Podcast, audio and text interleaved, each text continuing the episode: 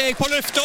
Mikrofon og alt har gått til balalaika. Da er det Balalaika med Alf Henden i studio igjen, og vi ser på historiske hendelser i uke 34. Og jeg begynner med en fødsel i 1950. Karen Marie Ellefsen, NRK sportskommentator. Turn og friidrett, først og fremst, da.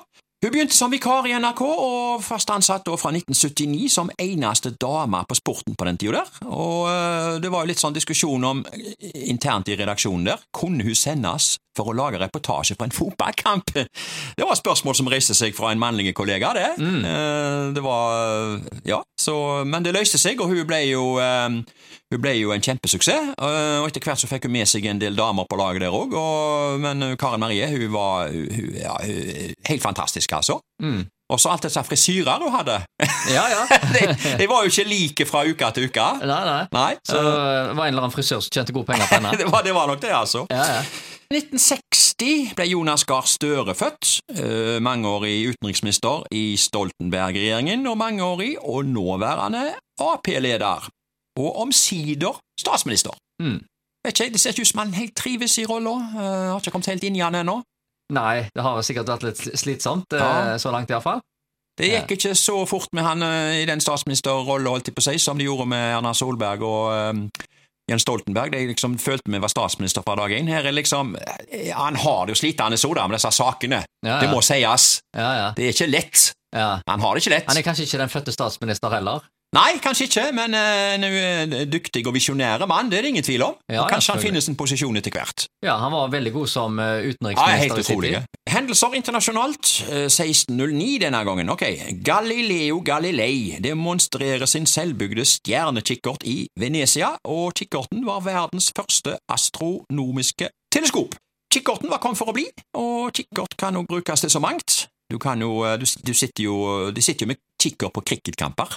Oh, ja, ja. Ja, de, og de cricketkampene det ikke, varer ikke de både to og tre dager, og de. Ja, de gjør gjerne det. Så, øh, og de er litt på langt hold fra en tilskuer, så der sitter de med kikkert. Men, øh, Ja. Og kikkert, ja, vi bruker jo ofte det når vi Her, her snakker vi om stjernekikkert. Det er jo rett som det at øh, nordmenn blir bedt om å finne fram kikkerten til visse tidspunkt for å se på disse, visse ting som skal visstnok fyke forbi i lufta. Mm. Ja, og noen Ja. har jo sterkere briller enn andre, men Ja. eh, stjernekikkert eh, er det vel de færreste som trenger for å se. Ja, det er jo det, da. Ja, det, det er jo det. Tora Eh, Botner, det får være nok. Ja, Vi går til 1758, syvårskrigen. Det er jo slaget ved Sorndorf mellom Prøysen og Russland, og den ender faktisk uten avgjørelse, altså uavgjort. Mm. Ja, Kunne de ikke hatt uh, for eksempel muntkast eller noe, hvis de først skulle ha en så uh, en, Altså, en krig er uavgjort etter sju år, kunne de ikke like godt For det første skulle det være kriger, da. Så, uh, men altså, da vet vi det. Prøysen, Prøysen og Russland den endte uavgjort. Og det, det kan jo skje mellom Ukraina og Russland nå. At det blir Ja. uavgjort, det òg. Det blir uavgjort. Ja, det kan skje.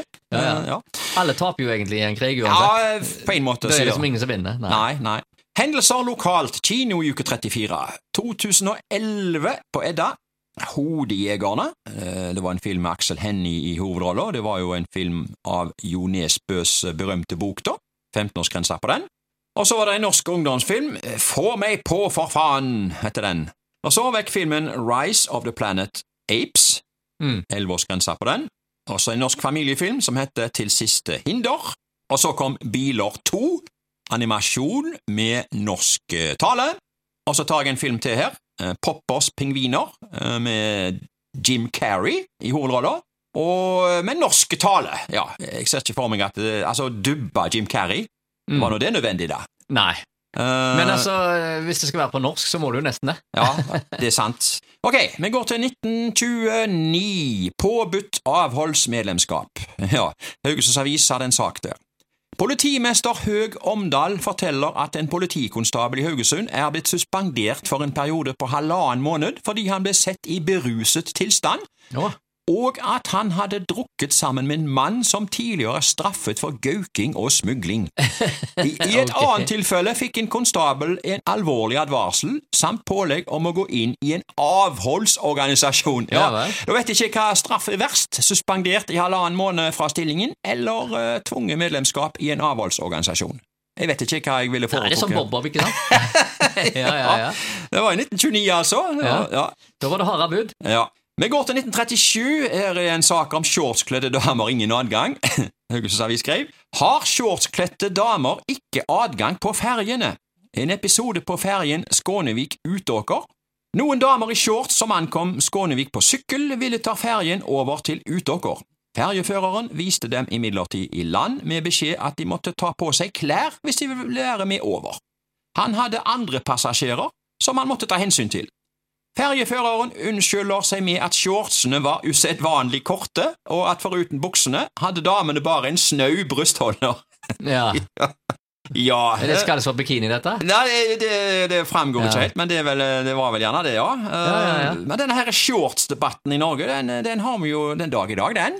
Har vi det? Ja, eh, når kan det være passende å gå i shorts på jobb?